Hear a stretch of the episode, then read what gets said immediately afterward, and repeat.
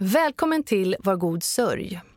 Manda och hennes gäster pratar om sorg, glädje och om hur livet ändå fortsätter. Kom ihåg att de är endast experter på sin egen sorg och förlust. Om du eller någon du känner mår dåligt, sök hjälp.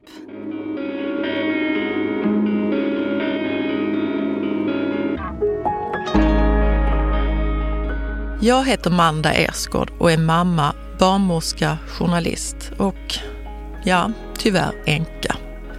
Vintern 2019 knackade döden på min dörr. Brutalt och helt oväntat förlorade jag min man efter hans självmord. Jag upplever att möten med människor i sorg är så tabubelagt och skrämmande att det är lättare att inte prata alls.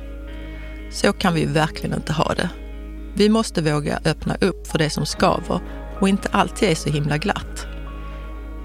Jag ska träffa människor som drabbats och dela med sig av sin sorg och förlust i alla dess former. Men viktigast av allt, deras glädje, skratt och igenkänning. Faktum är att sorg faktiskt drabbar alla förr eller senare på ett eller annat vis.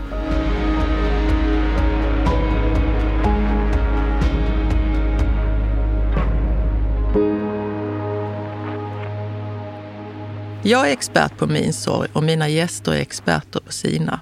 Och jag lär mig så himla mycket av dem alla. Men ibland vill jag veta ännu mer. Jag funderar till exempel mycket över hur barn och ungdomar sörjer. Hur förstår jag om mitt barn är ledsen eller bara tonårstyst? Som vuxen är det lätt att bli orolig när man inte får svar på den ställda frågan. Hur ska jag bemöta mitt barn? Det finns givetvis inte ett enda svar, men jag tror jag behöver lite professionell vägledning och bjuder återigen in psykologen och författaren Agnes Mellstrand. Hon träffar många barn och ungdomar varje dag i sin profession och är expert på bemötande i alla former. Välkommen Agnes. Tack. Hur mår du idag?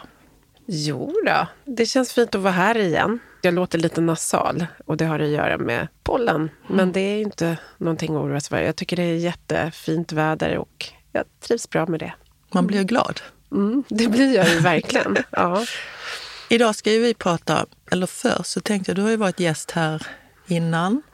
En gång privat och en gång i din profession. Mm. Så jag tänkte du skulle få berätta lite snabbt om dig själv igen.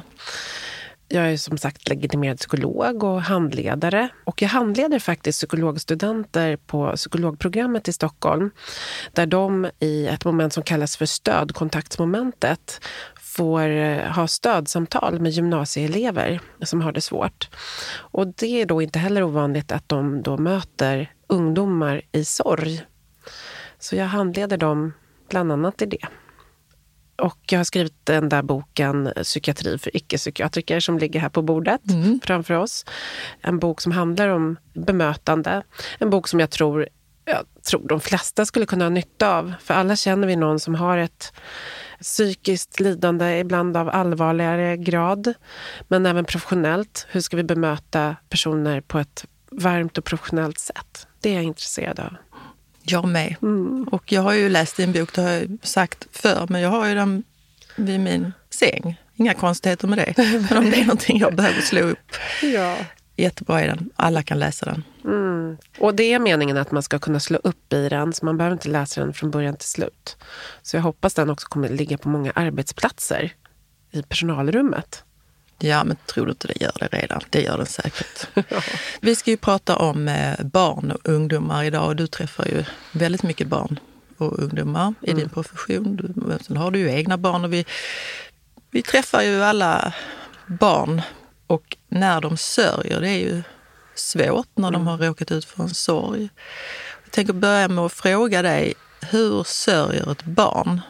Mm. Och då tänker jag framförallt ungdomar och barn. I min, eh, mitt arbete träffar jag, som det ser ut nu, framförallt ungdomar och unga vuxna. Men eh, jag har ju jobbat med barn också. Hur sörjer barn och ungdomar? De sörjer. Och jag skulle inte kunna säga så här, precis som vi vuxna gör, men att de sörjer, det är viktigt att komma ihåg. Men eh, det är också individuellt och det har att göra med också vilken kognitiv fas man befinner sig i.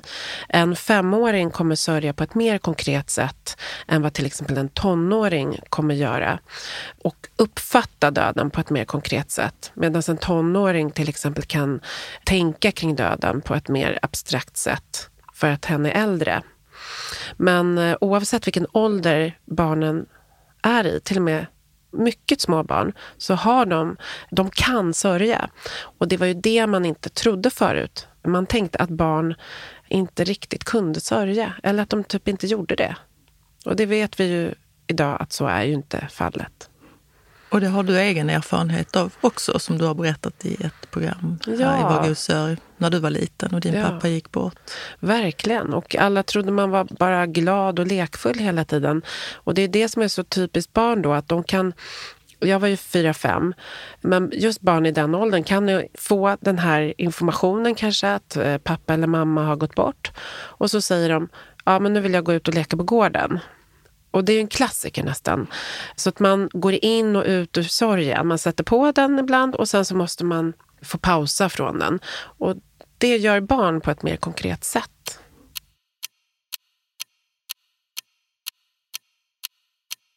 det här med att sörja randigt och rutigt, höll jag på att säga, men randigt och vågigt heter det också, eller är det bara mm. randigt? Randigt. Randigt, ja. ja. Men vågigt låter ju, det är ju en bra ja. variant också. Ja. Och eh, hur... Eh, det kan väl inte alla barn göra? Vad tänker du med randigt? Så att vi eh, tänker på samma eh, sätt. Nej, men att man att helt plötsligt sörjer, det här tror jag att det är, mm. men att man sörjer och sen som du sa så springer man ut och leker, sen gråter man och så är det det man menar? Och då har vi ju ungefär samma mm. tolkning av begreppet. Ja. Då stämmer det begreppet. Ja. För jag tycker man hör så mycket mm. begrepp och sen så vet man inte vad man ska liksom mm. Men vi vuxna då? Kan vi, nu ska vi inte gå in på vuxna, men eh, sörjer vi också randigt? Jag tycker jag sörjer randigt. Mm. Och så finns det de som kanske då sörjer på ett vågigt sätt. Mm. och det är väl ett bra begrepp i så fall. Jag tänker att sorgen kan bli så intensiv och ångestladdad och sen så går den sakta men säkert ner igen och sen så boom, så går den upp igen. Som vuxen när det är ett barn eller en ungdom som har sorg så blir man lite stel. Mm. Och eh, jag tänker som jag sa inledningsvis om, det här har jag hört från många också, att man frågar sitt barn, är du ledsen? Är du arg? Och så får man inget riktigt svar. Och nu menar jag att det kanske är någon person där det har hänt någonting. Mm. De vill inte riktigt svara. Mm. Hur gör vi? Hur gör jag? Ja, det här är inte lätt. För det är inte ovanligt att man faktiskt inte får ett svar när man har ställt frågan. Men att svaret kommer någon annan gång. Och det kan man vara uppmärksam på. Alltså att bara att du ställer frågan och sen om man eller öppna eller slutna frågor. Det kan man ju fundera på ibland om det kan vara bättre att ställa öppna frågor. Men ibland kan det också bli för brett. Hur mår du? Det blir ju alldeles kanske för brett. Det kallas för rationalen, lite sådär berättar varför man ställer frågan. Nu har det gått ett år snart sedan din bror dog. Och jag tänker det kanske kan väcka en del känslor hos dig, precis som det gör hos mig. Så. Mm. Och så på den vägen. Med små barn kan man börja rita teckningar. Alltså att man ritar tillsammans vid köksbordet. Och då kan man genom till exempel teckningarna, om vi bestämmer oss för att nu ska vi rita vår familj. Och så ritar den här personen kanske då sin bror i himlen. Och därifrån kan man börja prata om det tillsammans. Och då kan barnet få uttrycka sina känslor på ett lättare sätt. Det är det som är poängen, att man hjälper barnen att uttrycka sina känslor. För små barn har ju inte det språket. Så att man liksom hjälper dem lite på traven. Och teckningar och brev och sådär. Det är väldigt hjälpsamt. Men hur långt ska man dra? Alltså nu, om jag tänker på en ungdom då, som inte svarar, så tänker jag jag mm. vill ha svar. Ska man ta steg tillbaka, inte vara så hetsig kanske och hetsa fram svaret? det är komplext, för att får du inget svar just där och då så passar det kanske inte just nu. Så då kan man ju respektera det. Men det vore ju tråkigt om man gav upp där. på det. Alltså att man, ja, men nu blev det där inget bra. Det kan vara så enkelt ibland att det är dålig timing. Att eh, ungdomen just nu inte känner för det. Men bara att ungdomen vet att du finns där ifall och när hen vill prata med dig. Det är det viktigaste. Så egentligen bör man också se om det är olika situationer som möjliggör att man kan prata med varandra. Till exempel att gå en promenad tillsammans. Och att det är situationen som möjliggör att man kan prata om det svåra. Förstår du vad jag menar? Mm. Eller åka bil. Bilen ja. ja. Den är inte dum. Den är inte dum. Det fick jag tips av någon på jobbet. Hon sa, jag sätter mitt barn i bilen. Uh. Sen kommer vi ju ingenstans. Uh. Och så kör vi och uh. så pratar vi. Ja, alltså bilpromenad. Bil, ja. Och det kan vara en sån aspekt att man inte tittar på varandra utan man liksom reflekterar båda två och tittar ut genom fönstret. Det kan definitivt lätta. Men att man tror att man som anhörig eller mamma eller vad man nu är i den här viktiga vuxna för den här ungdomen så kan det ibland bli lite too much. Man sätter sig liksom så här, nu ska vi prata. Det funkar däremot bättre för mig som psykolog. Då kommer ju ungdomen, liksom hoppar upp i min fåtölj och då vet vi båda varför vi är där. Då funkar det bättre. Men så fort man är anhörig så blir det liksom lite svårare. Det vet vi ju alla som är föräldrar. att Eh, när vi försöker med en sak så blir det nästan ett motstånd just för att vi är föräldern. Ja, jag funderar på det här. Men mm. bilen där är ju mm. då ett tips. Om man nu har bil, men det är ju inte alla som har. Nej, jag har på... inte körkort. Nej, men man kanske kan låna en och bara... Ja, ja, ja det, det löser Men jag, jag menar verkligen ändå det som passagerare. Att eh, svåra samtal, jag tänker att man kan ta dem i bilen om åtminstone en har körkort. Jag hade en gäst i mitt program som mm. heter Helle. Mm. Och eh, jag pratade med henne häromdagen och då frågade, för hon har varit sjuk länge. Mm. Och så pratade vi om det här med att prata med sina barn och om man ska fråga dem, vill du gå och prata med någon? Någon är ju då du till exempel. Mm. Ofta säger man någon, då menar mm. vi psykolog. Mm. Och eh, så sa nej, jag behöver inte. Alltså, vi hade en diskussion om det här. För vi som vuxna tror jag tänker så här, om jag inte når fram, mm. då måste vi ha en psykolog som mm. hjälper till.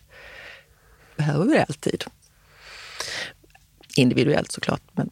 Mm. Till att börja med vill jag bara vad ska man säga, förstärka det faktum att du och andra tänker så idag. Så var det inte riktigt förut, att man tänkte så åh ja, vi tar ut en utomstående professionell som kan prata med vår son eller dotter. Utan det kunde snarare vara så att det här tar vi inom familjen eller så lägger vi locket på. Så på det sättet har tiderna ändrats, att man är mer liksom vanligt och normalt att tänka så. att vi föräldrar räcker inte till, vi når inte fram. Så vi kan ta in en utomstående professionell som kan testa och försöka. Det låter avdramatiserat.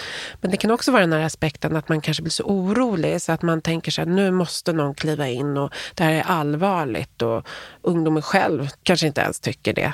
Så det får man ju känna in. Och jag brukar ofta säga då att det man kan göra är att visa en bild på psykologen. För att många ungdomar har en föreställning om att psykologer ser aptrista ut och är jättetråkiga och eh, fyrkantiga. Ja, men du vet, de har en föreställning om oss. Gamla bupptanter liksom. Och att man kan säga så här, vi testar bara med ett första samtal, med ett samtal. Så får du bara känna av hur det känns. Du kan bara gå dit och, och sätta dig och se hur det går. Och det är ju kemi. Det är jättemycket kemi. Och jag gillar ju att jobba med ungdomar. Och det är väl en fördel om man träffar en psykolog som som tycker om ungdomar. Och där hos den personen, den här utomstående vuxna, så kan de på ett kravlöst sätt, mer eller mindre utan motprestation skulle jag säga, bara få prata av sig. De behöver inte ta hänsyn till mig som psykolog, att jag ska bli ledsen eller att jag ska bli orolig på det där sättet som föräldrar blir. Man vill ju inte vara till bekymmer för sina föräldrar och här finns det ju då ett forum där de bara kan, de kan få säga precis vad de vill till en psykolog. Och vi kan ta det. Så det är ju smart. Men det finns ju också föräldrar som också tycker att det är lite av ett misslyckande. Att jag når inte fram. Men, så då måste vi ha en utomstående. Lite som att det var, är något misslyckande. Men det tycker inte jag. Jag tycker det är nästan självklart. Att det finns en annan vuxen som man har lättare att prata med. Intressant, det har inte jag ens tänkt på. Jag ser det bara som en, eh, också i vår diskussion, som, en fördel mm. och som en hjälp där vi jag kan ju tycka att jag är ganska psykologisk, men det är mm. jag inte när jag ska prata med mina egna barn, tror jag, ibland, om vissa saker. Mm. Men inte och, jag heller. Nej. ja, men då är det ja, skönt. Då kan man behöva någon helt annan och eh, utan att utlämna någon. Så ett av mina barn ville jag skulle gå och prata och då sa det här barnet till psykologen, ja nu är jag här, mm. men det är mamma som vill att jag ska gå mm. ut och jag behöver inte det här just nu. Så då fick det här barnet mm. numret till psykologen. Ring när du är redo. Och så Det var ganska skönt. Mm. Och det var skönt för mig också för att höra att ja, jag var där också så jag fick höra det med egna ord. Ja, men sådana ungdomar som är skickade till mig av sin mamma eller pappa. Jag har ungefär ett sånt nybesök varannan vecka. Jag är här för att min mamma vill. så, man är inte redo då. Och då tar man det senare. Men då har de i alla fall träffat mig eller den andra psykologen. Och då vet de ju hur det funkar, hur det ser ut. Det är väldigt odramatiskt när man någon dag känner för det. Tråkigt för föräldern då, men så kan det ju vara, att man får vänta lite. Mm. Men också att det kanske dämpar förälderns oro ett tag. Att nu sa ju faktiskt barnet rakt ut. Mm. får man ju lita på det mm. på något vis. Jag vill också förtydliga att det inte bara är psykologer som...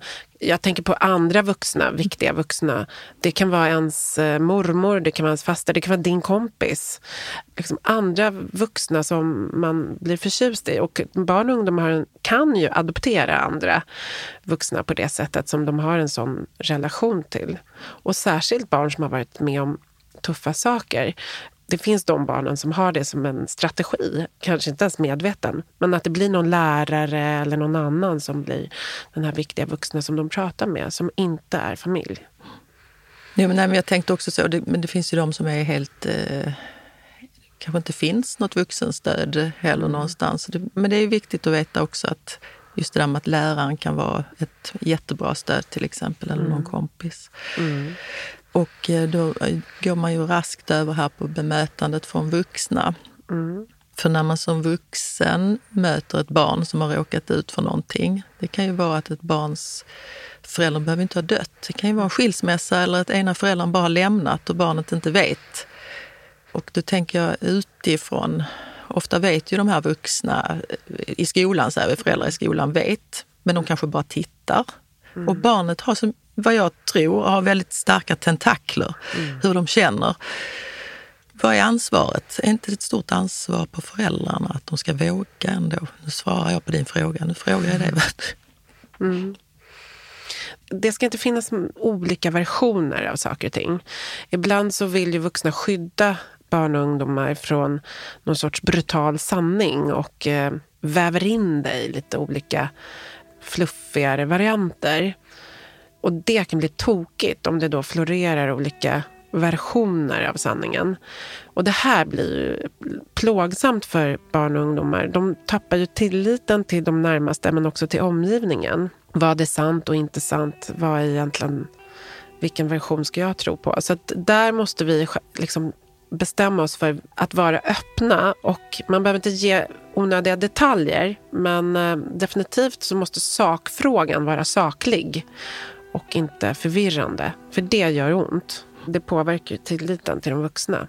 Ja, det påverkar och sen också om vuxna inte går... Det är ju svårt kanske om vi låtsas att jag ser något barn som jag vet mm. föräldrarna har gått bort. Mm. Nu sitter jag och säger här, men det är klart att jag kanske går fram och säger hej, mm. klappar på axeln. Nu tror jag faktiskt att jag skulle gjort det. Mm. Och så är det ju olika barn och sådär. Men jag tycker ändå att vi som vuxna har det ansvaret på något sätt att möta blicken ja. eller, och ganska ordentligt så att mm. de ser att vi tittar. Absolut. För det har vi pratat om i ett tidigare program, det här undvikandet, den här undvikande responsen den gör ont för den som är drabbad då av sorg. Att folk undviker den på det sättet. Jag tror till och med att det kan vara så illa att eh, personer som har drabbats av sorg indirekt blir exkluderade.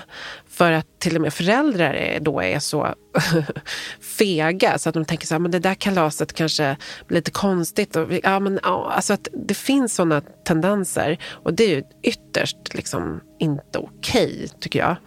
Man måste som vuxen nästan vara förebilder för barnens skull också. Att vi vågar gå fram och vi vågar stötta och, och så. Men sen är det viktigt också i vilka lägen man gör det här. Alltså, lite som du frågade förut om en ungdom som, nu vill ungdomen plugga och nu vill du prata sorg. Det funkar inte nu. Eller hur? Mm. Och så är, vi måste någonstans också förbereda barnen på det. Vi kan inte bara när det, det barnet leker och är glatt på skolgården så kommer du och lägger en hand på axeln. Åh, jag, jag beklagar verkligen då blir det fel för barnet. Så man måste också ha koll på situationen. För när barnet är ett glatt tillstånd i en sinnesstämning där den leker och hen är upptagen av det, då ska man inte avbryta med det. Och det kommer jag också ihåg att jag var med om. Att när jag var glad så kunde till exempel eh, den där läraren, är ju inte vid liv idag, men den förskoleläraren som betedde sig ganska oprofessionellt mot mig. Hon kunde avbryta min positiva lek med att prata allvar med mig just då. Och det ska man ju inte göra. Så som lärare och eh, skola så behöver man också veta i vilka situationer det passar för barnet. Så barnet och ungdomen kan själv berätta i vilka situationer som hen vill prata om det här. Och jag läste en bok faktiskt just det här om att ett exempel var på hur ett barn då hade en liten lampa som den tände så att läraren kunde, det var på lågstadiet, så att läraren kunde förstå att nu vill, låt oss säga att hon heter Monica, nu vill Monica ha en paus, nu vill hon dra sig undan, nu är hon ledsen. Nu kan jag gå iväg och prata en stund med henne. Då tände hon en liten lampa. Ja. Vilken bra idé! Ja. Mm. Jag ser det framför mig. Det, mm. Jaha, men gud så bra. Mm. För man vill inte heller räcka upp handen och så säger mm. läraren, mm. vad är det? Lite så irriterad och så kan man inte säga, ah, okay. För du vet, det kommer ibland triggers med sorg. Där liksom, det kan vara någonting som någon annan är glad för. Ah, nej, men min pappa kommer att hämta mig, säger kompisen. Och så blir man så jätteledsen för min pappa kommer inte att hämta mig, aldrig någonsin. Och då väller det över jättestarka känslor. Och då är man inte beredd på det. För du kan ju inte förutspå när de här äh, starka känslorna kommer. Och då kommer det. Och då kanske om man kan tända den där lampan, så här, nu behöver jag bara gå ut för jag måste gråta. Jag vill inte sitta i klassrummet och göra det. Mm skulle man ju själv vilja ha. En liten lampa. Mm. Ja, men det var ju en bra idé. Vad tycker du om eh, när någon, ett barn är i sorg och det sägs här, ja, men det, att barn ska komma snabbt in i skolan igen och det ska normaliseras och inte vara hemma för länge. Mm. Jag bara funderar på det. Det behöver inte gälla alla egentligen. Mm. Att, ja, men snabbt in i skolan och mm. kompisar. Och, är det bra eller jag vet inte, det måste vara olika. Jag tror att många ungdomar och barn själva kanske tänker att såklart ska jag gå till skolan. Alltså yngre barn kan jag tänka mig, de kommer gå till skolan. Äldre barn eller ungdomar, de drabbas ju ofta av koncentrationssvårigheter och det påverkar skolresultaten och deras förmåga att liksom fokusera på skolarbetet. Men det finns säkert de ungdomarna som då går nästan all in för att tokfokusera på skolan då. Så det där får man ju känna in. Men det vanliga ju äldre ungdomarna är, det är att de kanske stannar hemma ett tag, någon vecka eller två och sen kommer tillbaka. Men eh, jag tror ändå på rutinerna, men ändå något sorts hänsynstagande. Ja, men ändå rutiner, det är mm. det som, är, som kanske är det mm. viktiga i det hela då? Ja, och att eh, det så småningom blir tydligt att det ändå är samma rutiner och även regler som gäller. Att man ska vara hemma vid en viss tid. Eller, så att det inte blir det här eh, att det blir, för att det är så synd om dig så får du göra precis vad du vill. Det kan ju skapa ännu mer otrygghet faktiskt.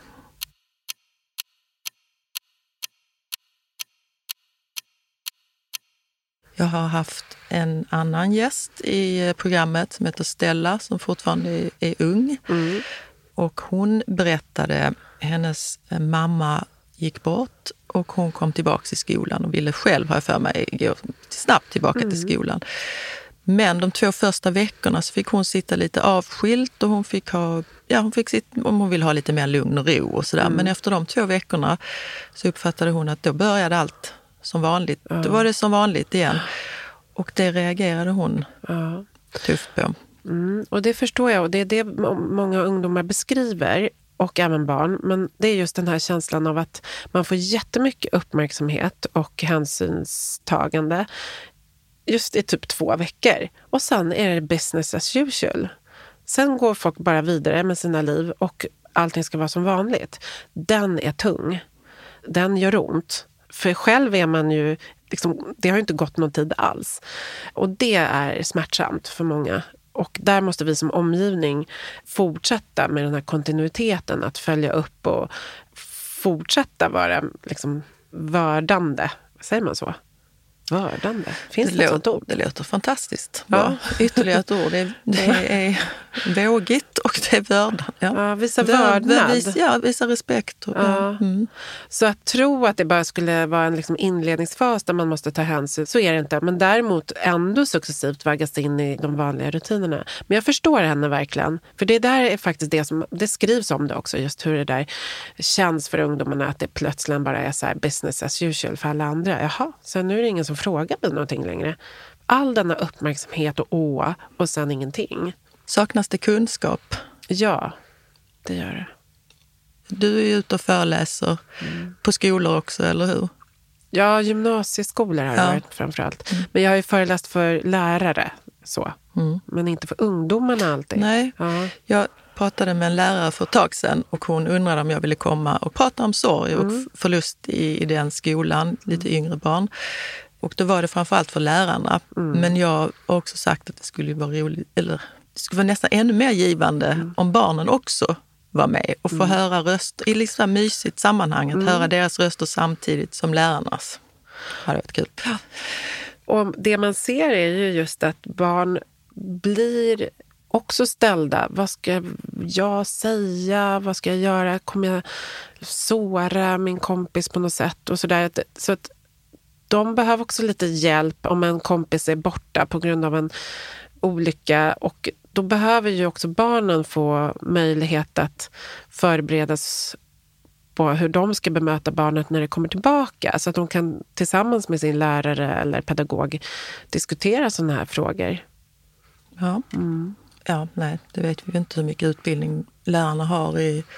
Det är väl tid också, mm. tänker jag. Att det, som du nu säger, att ja men okej, nu går allting vidare, allting är som vanligt igen. handlar väl också mycket om tid. Ja borde det finnas en extra resurs. Mm. Men det mm. kanske inte vi ska lösa idag. Nej, och sen så är det väldigt individbundet. Jag, eh, jag, menar, tänker på jag bara föreställer mig till exempel hur min äldsta dotters lärare, hennes klassföreståndare, där vet man ju bara i förväg att hon skulle kunna hantera en sån situation alldeles underbart. För hon är så inkännande. Och hon följer alltid upp. Så att om det har varit något så följer hon alltid upp det sen. Och hon skriver till föräldrar och sådär. Så och hon hör av sig. Så det är ju liksom någon sorts medmänsklighet. Och den behöver man kanske inte plugga sig till. Men jag tror att man måste komma ihåg att den där medmänskligheten, den som vi pratade om förut, den kostar ju inte lite extra mycket pengar eller tid egentligen, utan den är faktiskt mer hållbar och effektiv i längden. Och det är också så när vi jobbar med ungdomar, eller när vi har med ungdomar att göra, det är att vi behöver följa upp. Mm. Uppföljning, det tror jag är viktigt för alla arbeten mm. egentligen, men det är ju ingen som har tid. Mm. Men det får vi ju skaffa oss tid till. Mm ytterligare en gäst som var med som heter Pontus. Han eh, berättade om just det här med vad vuxna människor, hur de reagerar vid sorg. Mm. Att han fick ett sms. Hans fru hade gått bort mm. och lämnades själv med tre barn. Och då hade ett av barnens kompisars mamma smsat att, eh, ska vi se hur det var, att om hans son kunde prata lite mindre om sin mamma för att hennes barn blev ledsen. Aha. Ja det säger så mycket om vuxnas rädsla mm. för sorgen. Mm. Och att det är viktigt att vi också är med i matchen. Mm. Ja, och eh, det, det, är det här jag menar. Liksom, att eh, Barn vill, som är drabbade av sorg, de tänker att de nästan behöver ta hänsyn till andra barn för att de inte ska bli ledsna, för att de är i sorg. Och då väljer de då ibland strategin att låtsas att allting är som vanligt. De till och med kanske hittar på någon version som inte låter lika jobbig för att ta hänsyn till sina kompisar.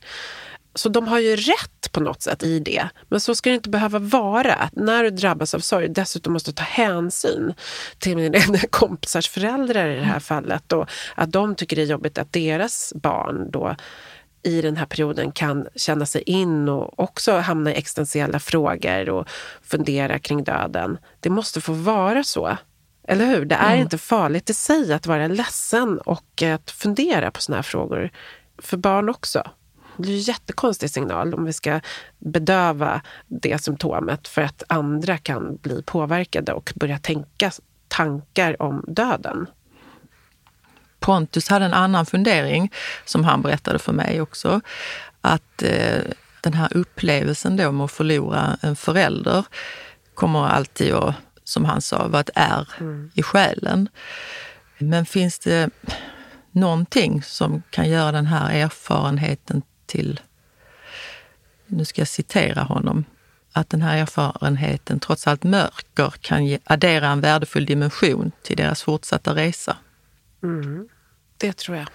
Därför att eh, det är viktigt bara att man kanske inte säger till en person som är drabbad av sorg att det här kommer bli lärorikt för dig och utvecklande. Och det är inte det som menas här, utan krasst faktum är ju någonstans att den här typen av upplevelser kommer tillföra en till dimension av förståelse för olika frågor. Det kan ju just bli att de här barnen och ungdomarna tänker på existentiella frågor på ett sätt som kanske inte andra har tvingats att göra. Man pratar också om att det kan öka sårbarheten ibland, att man kan få negativa grundantaganden om omgivningen, om omvärlden, om framtiden och om sig själva och sådär. Men där kan vi ju vuxna hjälpa till med den här tilliten som vi kan eh, hjälpa den här ungdomen att få till omvärlden och då kan det stärka. För mm. Jag tänker så här, som i min situation när vi fick mat och jag tänker att det ökar empatin. Mm. Att barnen ser sin omvärld då, men det kanske var det du sa precis, men jag bara mm. ser framför mig att man ser att människor hjälps åt. Mm. Att vi är ett gäng här nu ja, som hjälps åt. Precis. Det är en viktig erfarenhet. Ja, som man ju helst ville att de skulle vara utan såklart. Mm. Men det är ändå viktigt. Och man kan alltid bygga upp till det lite igen. Och, ja, särskilt efter trauman. Men det är inte lätt. Så det är fint att han skriver så, för det skulle man ju vilja förmedla på ett eh, värdigt sätt. Men det krävs ju tid för att man ska kunna få det perspektivet, att det har varit så. Svårare att se in i framtiden och tänka att det kommer vara lärorikt och stärkande.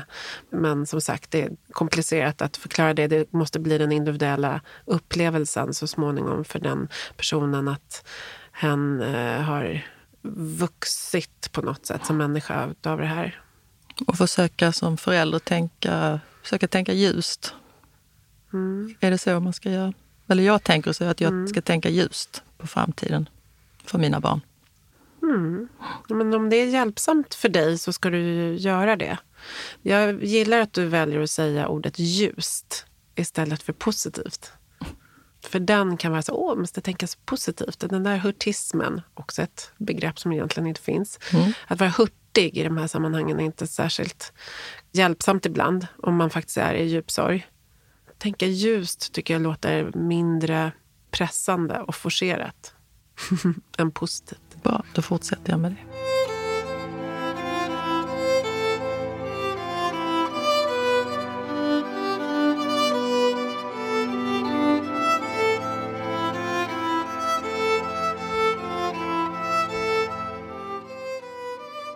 Man pratar med sitt barn om till exempel självmord. Mm. Om en förälder till ett barn har råkat ut för att en förälder har begått självmord, är det då farligt att prata om självmord för det här barnet för att det skulle kunna leda till att barnet själv tänker tankarna? Mm. Nej, för vad är funktionen med det samtalet? Det är ju det som är viktigt att fråga sig. Vad är intentionen och funktionen med det här samtalet? Det är ju bättre att ha det samtalet än att då inte ha det. Däremot så pratar man ibland om när man varnar för att självmordsbeteenden kan smitta. Det är ju inget samtal då oftast, då är det ju snarare en envägskommunikation som vissa då, som är sårbara eh, tar efter. Men mellan två personer där det finns ett förtroendekonto, där man har ett samtal om, om suicidalt beteende, som självmordsbeteenden, vad de kan bero på. Jag tror snarare att de kan vara förebyggande, Amanda. Jag tror att det är viktigt att, att betona, mm. faktiskt. Mm. För att det är ju ungefär som att mm. Eh, kan man nämna barnets mammas namn mm. eller pappans eller mm. mormorn eller det tror jag också många är rädda för. Nej, men jag mm. säger inte prata inte om din mamma nu. Mm. Det blir så eh, stigmatiserat då, eller hur? Och eh, ett psykiskt lidande som upplevs som outhärdligt och oändligt. Att då tänka den typen av tankar, att man vill fly, från livet är ju ytterst mänskligt. Och för en ungdom att få höra att det på ett sätt är en eskapism som i sig är mänsklig och normal förebygger ju då risken att man i sin egen lilla bubbla skulle så att säga gå över till handlingen. Så ja, jag tror att det snarare kan fylla en väldigt förebyggande funktion. Mm. Mm. Nej, men, och det pratade vi om innan, den här undvikande, vad du kallar det, undvikande, in, undvikande instinkt, tror jag också har sagt. Undvikande impuls, undvikande respons och undvikande instinkt. Jag tror jag kör alla varianter.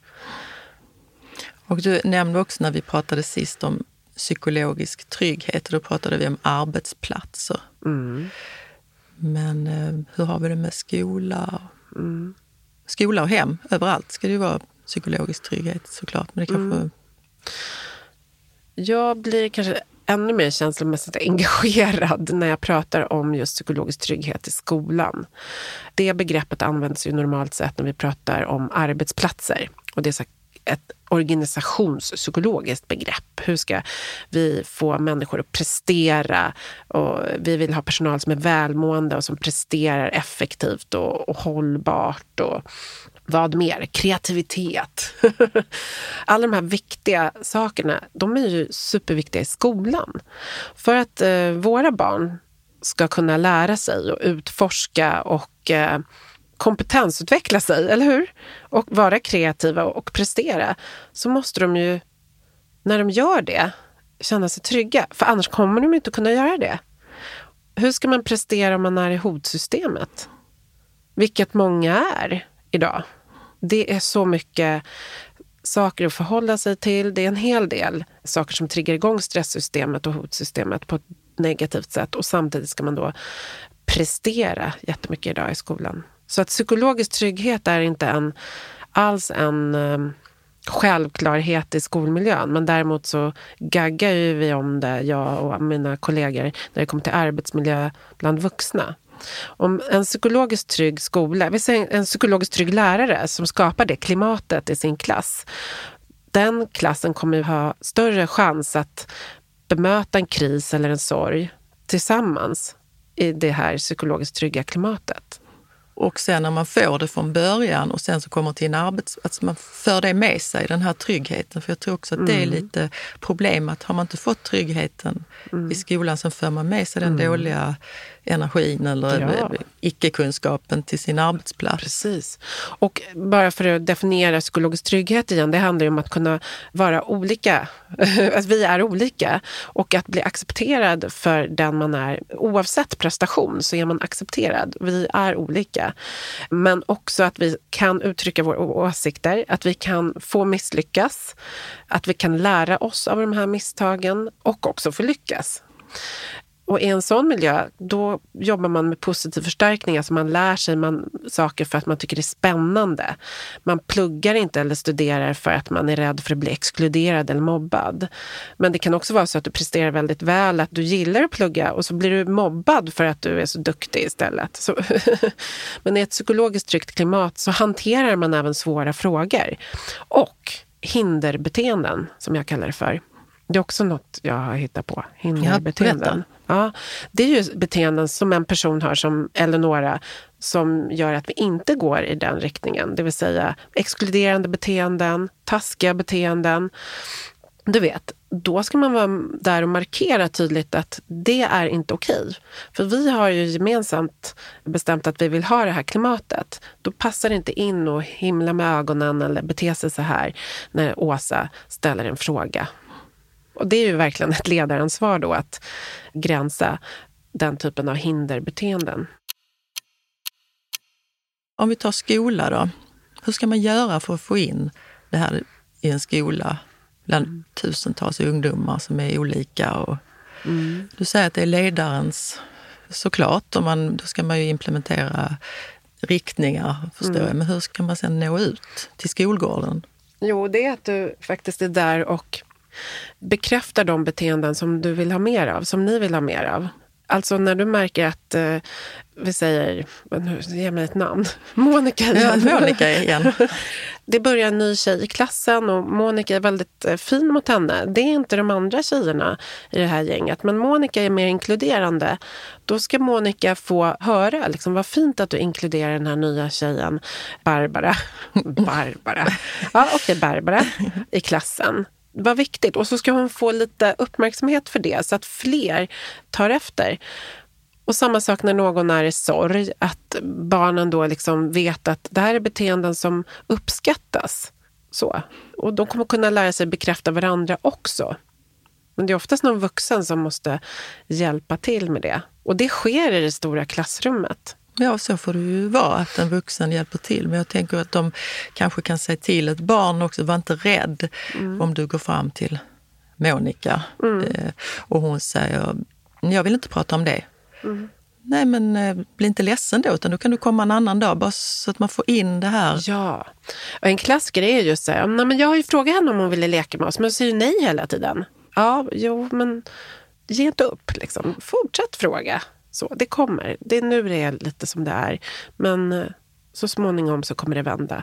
För de här relationerna ändras ju hela tiden i skolan och eh, fram och tillbaka. Så att det är klart man behöver lite stöttning och verktyg från de vuxna. Och vara barn och ungdom är ju roligt, men det är ju också jobbigt såklart. Och någon som har lite större utmaningar, mm. som om man har ADHD eller autism och ja, hela det här spektrat. Mm. Varje person är ju en egen individ, men hur personer men nu måste jag ju hålla tungan rätt i min mm. neuropsykiatrisk funktionsnedsättning. Mm. Ska vi behandla dem olika eller hur? Jag tänker om man är lärare nu till mm. exempel. Mm. En lärare ska ju känna sina elever, tänker jag. Och idag har du kanske 28 elever i en klass. Men lärare skapar ju en allians med 28 personer. Allians betyder en förtroendefull relation och kan ju då, oavsett diagnos, matcha sin kommunikation till den personens behov. Och jag tänker vid så kallad autismvänlig kommunikation, den eh, jag uppskattar väldigt mycket själv den är ju väldigt, går åt det lite mer rena och sanna hållet. Alltså att man kommunicerar rent. Men det kan för andra jämnåriga vara svårt att förstå att inte få respons på rätt ställen eller ögonkontakt kanske ens ibland. Och då kan ju barn och ungdomar reagera ganska intolerant. Men även de Idag så ser jag en högre tolerans bland barn och ungdomar. Att de har mer kunskap än när jag var liten om man bara tyckte någon betedde sig väldigt, väldigt avvikande så har man ju idag en högre tolerans. Jag märker det i alla fall bland mina barn. Att om en kompis då inte dyker upp gång på gång, så nej men det, hon har ADHD, hon kommer på jätteroliga idéer och sen så dyker hon inte ens upp själv när hon har hittat på en bra grej. och så skrattar de åt det och tycker det är okej. Men med, autismvänlig kommunikation, den tänker jag att vi behöver också prata lite mer om hur den kan vara. Att vi kanske blir utmanande när vi inte får respons på rätt ställe och kanske tänker så här, oj, hon gillar inte mig. Men det är oftast inte det det handlar om, utan det är bara lite annan ledrespons. Bra. tänkte vi skulle prata om ett ord som jag nästan själv vill att du ska säga nu. Mm. Eh, när jag säger klimat ja. så säger du omsorgsklimat. Ja, just det. Vilket dåligt minne jag har. Nej, men vilka, ja, omsorgsklimat eller inkluderande stil. Den är viktig att ha med sig att föräldrar ibland skydd, vill skydda sina barn och tänker att de ska slippa höra det svåra. Det kan uppfattas som en exkluderande stil. Det blir en, ett exkluderande, ett tolkningsföreträde. Och jag förstår den instinkten. Att man nu tänker att det skulle vara bättre för barnet att kanske inte följa med på begravningen, det kommer vara så mycket känslor. Men det uppfattas exkluderande för barn och ungdomar, att de inte får vara med. Så hur man än tänker där, och det är klart man tar ett beslut beroende på vem det är man har att göra med, vad det är för barn vi har att göra med. Men att ha en inkluderande stil och ett omsorgsklimat. Man brukar säga att beroende på hur hur omsorgsklimatet ser ut så kommer också sorgen påverkas av det befintliga omsorgsklimatet runt omkring barnet. Det är ett fint ord. Mm. Som du inte ens kommer ihåg. Jag tänkte, nu, när du sa klimat nu så tänkte jag på psykologiskt tryggt klimat. Ja. Men det var ju jag själv som sa det innan vi började här, att vi måste prata om det här med omsorgsklimat. För det har ju, omsorgsklimatet kan man ju uppfatta både i en skola, på en förskola, på en arbetsplats, eller hur? Mm. Här har vi inget omsorgsklimat på den här arbetsplatsen. Det kan man ju definitivt känna av, eller hur?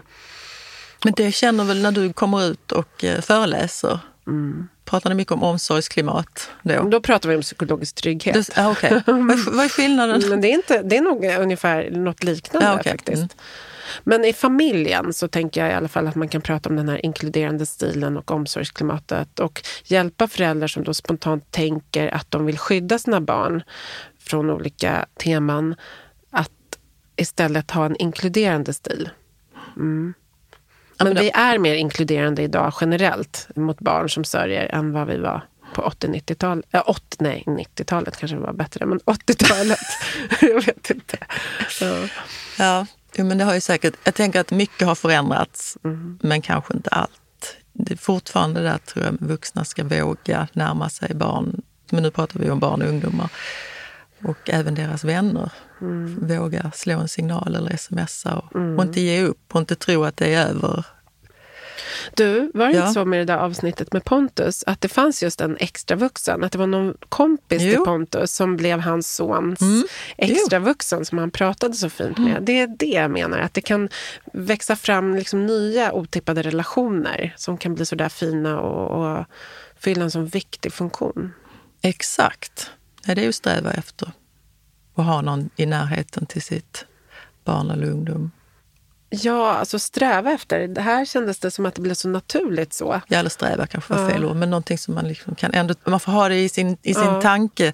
I sorg har man så mycket andra tankar, men barnen pratar för mig själv. Mm. Barnen kommer alltid först och då vill mm. man hela tiden deras bästa. Det är inte säkert det blir mm. bästa bara för att jag säger nu ska vi göra det och nu gör vi det. Och hur mår du? Hur mår? Öppna dörren och liksom, hur mår du? Precis som du sa innan, kanske kan mm. liksom, ja, men typ ta ett steg tillbaka och avvakta lite.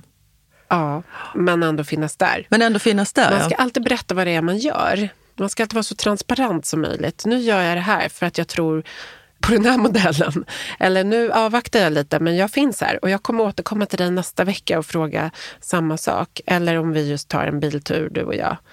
Så jag finns här. Men ibland kan det ju rinna ut i sanden om vi tänker att vi avvaktar. För det är så många blir utsläckta. Att de tänker, nu har jag frågat den här personen flera gånger om hon vill ha mitt stöd och så får jag ingen respons och så drar man sig undan. Vi återkommer hela tiden till det här med vuxna. Den vuxna är ju oftast den viktigaste personen i ett barns liv. Nu säger jag oftast, för ja, jag tror det. Och eh, det här är ju någonting som du har mycket kunskap om. Men du har någonting där som du vill ska berätta för mig nu, ser jag. Nej, men en liten sammanfattande lista mm. har jag här. Respektera hur barnet vill ha det. Många barn och ungdomar vill ju inte framstå som annorlunda. Så där, som jag sa förut, man måste respektera lite när vi ska prata med barnet och gå liksom varsamt fram. Det här på eller av. Man får liksom tuna in där tänker på att inte underskatta vad barnen faktiskt eh, upplever. Att vi kanske ibland inte ens märker att ett barn sörjer. De har väldigt mycket tankar och känslor kring saker och ting. Vi kanske tror att de är jätteglada. Det där är en klassiker. Hon är så glad jämt. Och att vi kanske tror att de inte sörjer. Som vi var inne på förut. Och barn har också lätt för att eh, uppfatta just motsägelsefulla signaler från vuxna, som vi var inne på också. Att det råder olika versioner och då kan man lätt känna sig exkluderade. Och där är det viktigt att just deras grundantagande om omgivningen kan då förändras till det väldigt negativa och det har med tillit att göra. Så det är bättre att vara transparent än, vad ska man säga, att man väver in saker i Men jag menar att man ska vara ärlig och ja. prata rakt ut och fråga barnet något och svara ja. ordentligt liksom, mm. istället för att gömma. Mm. Ha tid. Alltså det där tiden tillsammans är ju jätteviktig och det betyder inte ens att ni behöver prata om sorgen då. Men att ni gör någonting, vad det nu än är. Det kan vara att ni spelar Nintendo faktiskt tillsammans. Eller att ni går ut, byter miljö, tar en fika. Jag brukar rekommendera sådär till exempel mamma och dottertid, att man går och fikar. Ibland kanske det krävs en gång i veckan att man har bara vi två 45 minuter med varandra. Man gör något eget ihop. Och då skapar ju det mer utrymme. Så schemaläggning är inte så dumt ibland. ja, och liksom när det kommer kommunikation från barnet, att validera och bekräfta det barnet känner. Även om du kanske tänker att nej men, ja, oj, du kanske inte ens håller med om det barnet berättar, men det är hennes eller hans känslor just nu och upplevelse av situationen. Så då ska man liksom bekräfta det och inte problemlösa eller så, nu måste vi ringa en psykolog eller sådär mm. direkt, utan lyssna då bara. Sitt på händerna och lyssna. Berätta inte hur det ligger till då, utan då ska du liksom validera, bekräfta det personen säger. Och följa upp. Har man såna här lite tyngre samtal, så lova ungdomen att du kommer följa upp och gör det sen. För det vill man. För när man har varit eh, väldigt känslosam ja, men nu tänker jag mig, även, oavsett om det är en förälder eller någon annan, haft ett sånt tungt samtal så behöver man en uppföljning. För annars kan man känna sig nästan lite så naken efteråt. Och, uff, det är väl väldigt skönt, men man kan ibland känna att man kanske sa för mycket. Och sen så kanske vissa låtsas som om ingenting och det blir också konstigt.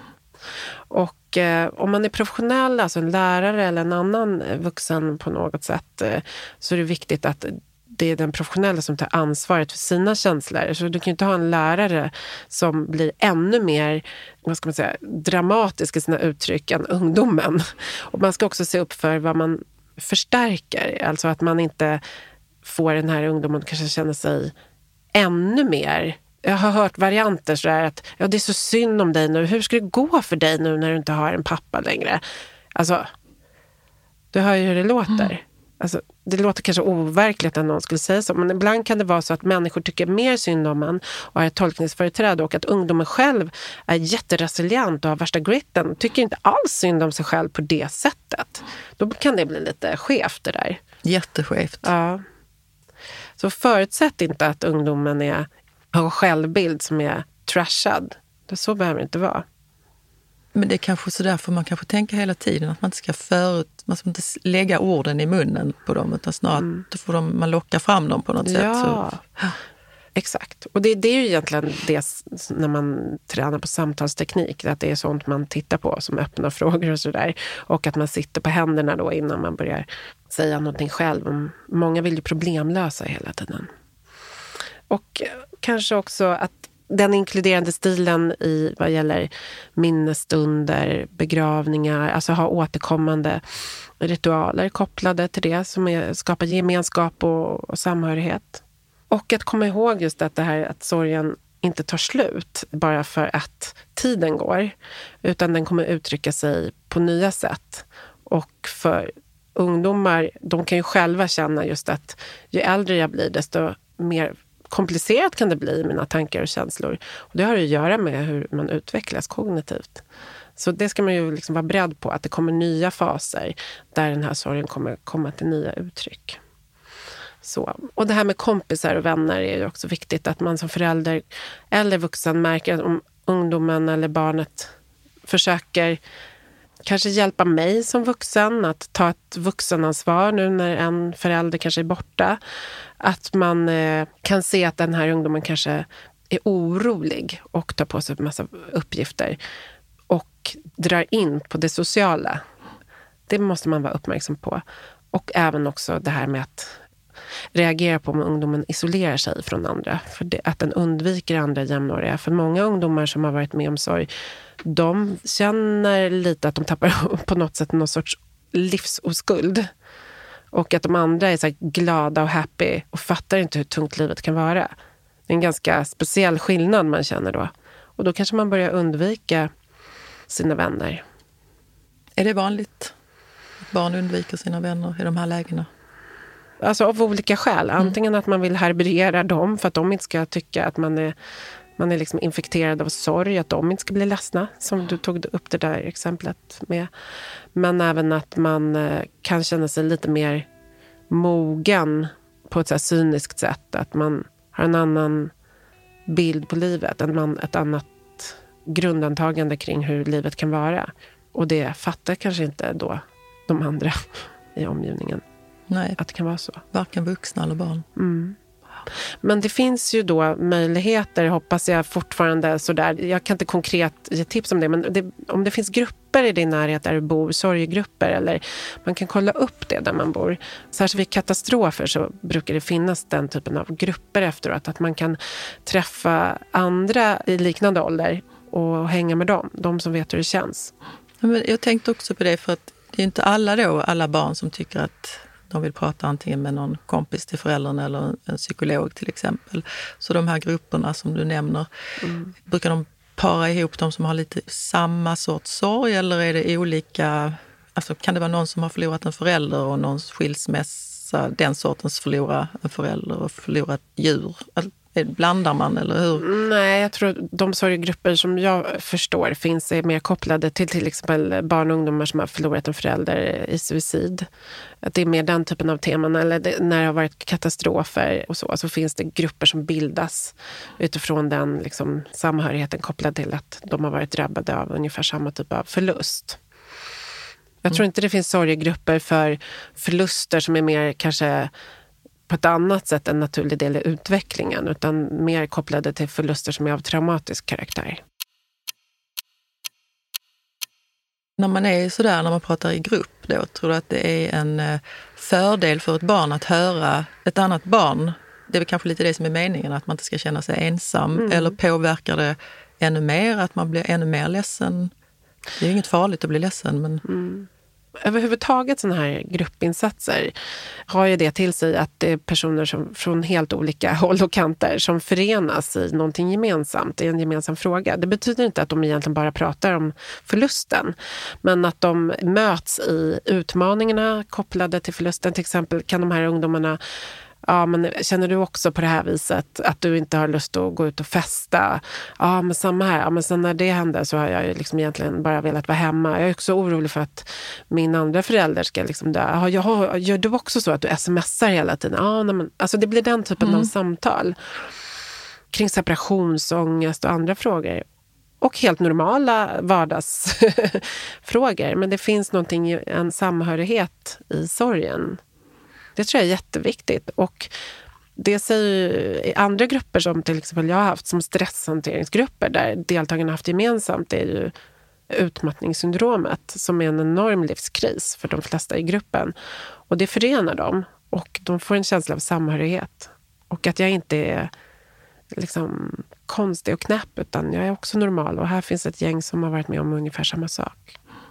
Just utmattning Ser man det på barn också? För att som vuxen när man är i sorg blir man ju ofta sjukskriven en längre tid. Mm. Men som vi pratade om innan så barnen slungas in i rutiner då som ju är bra, mm. men ganska snabbt. Mm. Är det så att vi fungerar olika? Alltså jag förstår att det är från person till person, men överlag mm. att vi har större risk. Vi, nej, varför blir vi sjukskrivna och inte barnen? Det var nog frågan. Alltså, vissa kan ju stanna hemma ett tag, kan jag tänka mig ändå. Liksom att det är så att vissa stannar hemma. Det vet jag. Men det är inte så att barnet är hemma för att lösa massa praktikaliteter som den kvarvarande föräldern kanske behöver göra. Ja, just det. Det tänkte jag inte på. Men sorgen tar väldigt mycket kraft.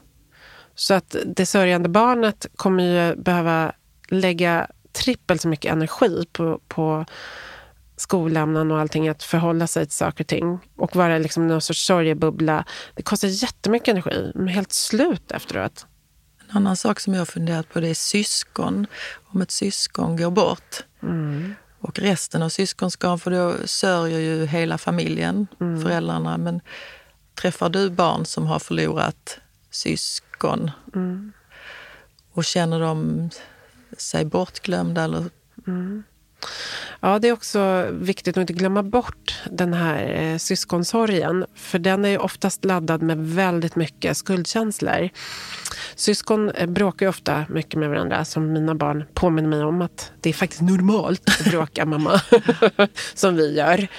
Och eh, när då ett syskon till exempel blir sjukt, alltså får en allvarlig sjukdom, så mobiliserar sig familjen och det blir mycket tid och kraft som läggs på, på den här sjukdomen och att försöka komma till rätta med den. Och då kan ju det syskonet som är friskt känna sig exkluderad på något sätt eller inte av naturliga skäl få den uppmärksamheten han får i samma utsträckning som den andra. Och vi säger att den har en komplicerad relation till sitt syskon. Alltså att man faktiskt bråkar ibland och du vet, säger saker som jag hatar dig och allting. Och sen så dör det här syskonet. Då är det det här syskonet som är kvar. De blir oftast, eh, det blir så komplicerat för dem. De får fruktansvärda skuldkänslor som de kanske möjligtvis förr eller senare behöver få hjälp med att lätta på. Och de kan även ta efter det döda syskonets egenskaper. Vi säger att du har ett syskon som har varit jätteduktig i skolan och då tänker jag men nu, nu måste jag leva upp till den här bilden. Nu måste jag också vara så här duktig och, och så. Och en person som går förlorad, man pratar ju mer eller mindre bara positivt om den personen. Man glorifierar nästan den personen som har gått bort. Och då kan ju även det här syskonet då, som är efterlevande blir ännu mer förvirrat. Att här har vi typ ett helgon som har gått bort och jag som är så himla stökig och bråkig. Och, det, du vet, det är mycket kring det där. Så har du något bra tips till föräldrar då? När de är mitt uppe i sin sorg mm. med syskonet som står bredvid? För ibland tänker jag att syskonet kanske också, som du sa, de tar på sig kanske någon liten roll. Mm. Och då ser det kanske ut som att barn, nej men där går det bra, mm. Eh, så nu sörjer jag vidare. Men det kanske inte riktigt är så. Mm. Vad gör man som förälder? Bara för bara något sånt här litet, vad ska jag göra? Det kanske inte finns ett tips såklart. Nej men, jag tänker också att syskonen inte gör, sörjer samtidigt på samma sätt. En tar på sig rollen nu och där kan man som förälder se till att, om vi säger att den, det äldre syskonet tar på sig någon sorts ansvarsroll, då ska man bara vara uppmärksam på att kunna lätta på den bördan. Att påminna det barnet om att eh, jag har koll på läget nu. Tack för all din hjälp. Och, jag, och oftast fyller det en viktig funktion för det syskonet att få bidra. Men att också påminna det här syskonet om att hen har sin frihet att göra helt vanliga saker som ungdomar gör. Och ett annat syskon kanske kommer in liksom senare i någon fas där den behöver stöd och hjälp än vad den gjorde innan. Och ibland kan man ta ifrån Ungefär som att vi går in i olika roller för att någon annan redan har tagit en roll. Mm. så vi kanske behöver växla lite roller och visa att det går att göra det. Vad heter det när man går i... Ta över lite stafett, stafett Ja, exakt. Ja. Mm. ja, det där med roller är intressant. Det finns så mycket som jag skulle vilja prata mer om mm. ja. egentligen. Men eh, för den här gången så tackar jag så jättemycket för att du kom hit och svarade på mina frågor. Det blir liksom lite lättare i kroppen på något sätt. Mm, jag hoppas det. Och jag känner också att det finns så mycket mer att säga om hur olika vi alla är och så. Men ändå tänker jag att det vi gör i det här samtalet är att på något sätt eh, lyfta det här inkluderandet. Att det är det, kanske det viktigaste, att skapa det här omsorgsklimatet. Och så länge vi har gjort det så är, ja, men det, du, det du sa precis nu, det är ju det är väldigt lätt att glömma att varje individ är ju sin mm. unika mm. person. Att man måste tänka på det. Det ingår väl i omsorgsklimatet. Precis. Ja. ja. Nu får vi sluta då, för annars börjar vi om igen. Tack så mycket. Tack själv.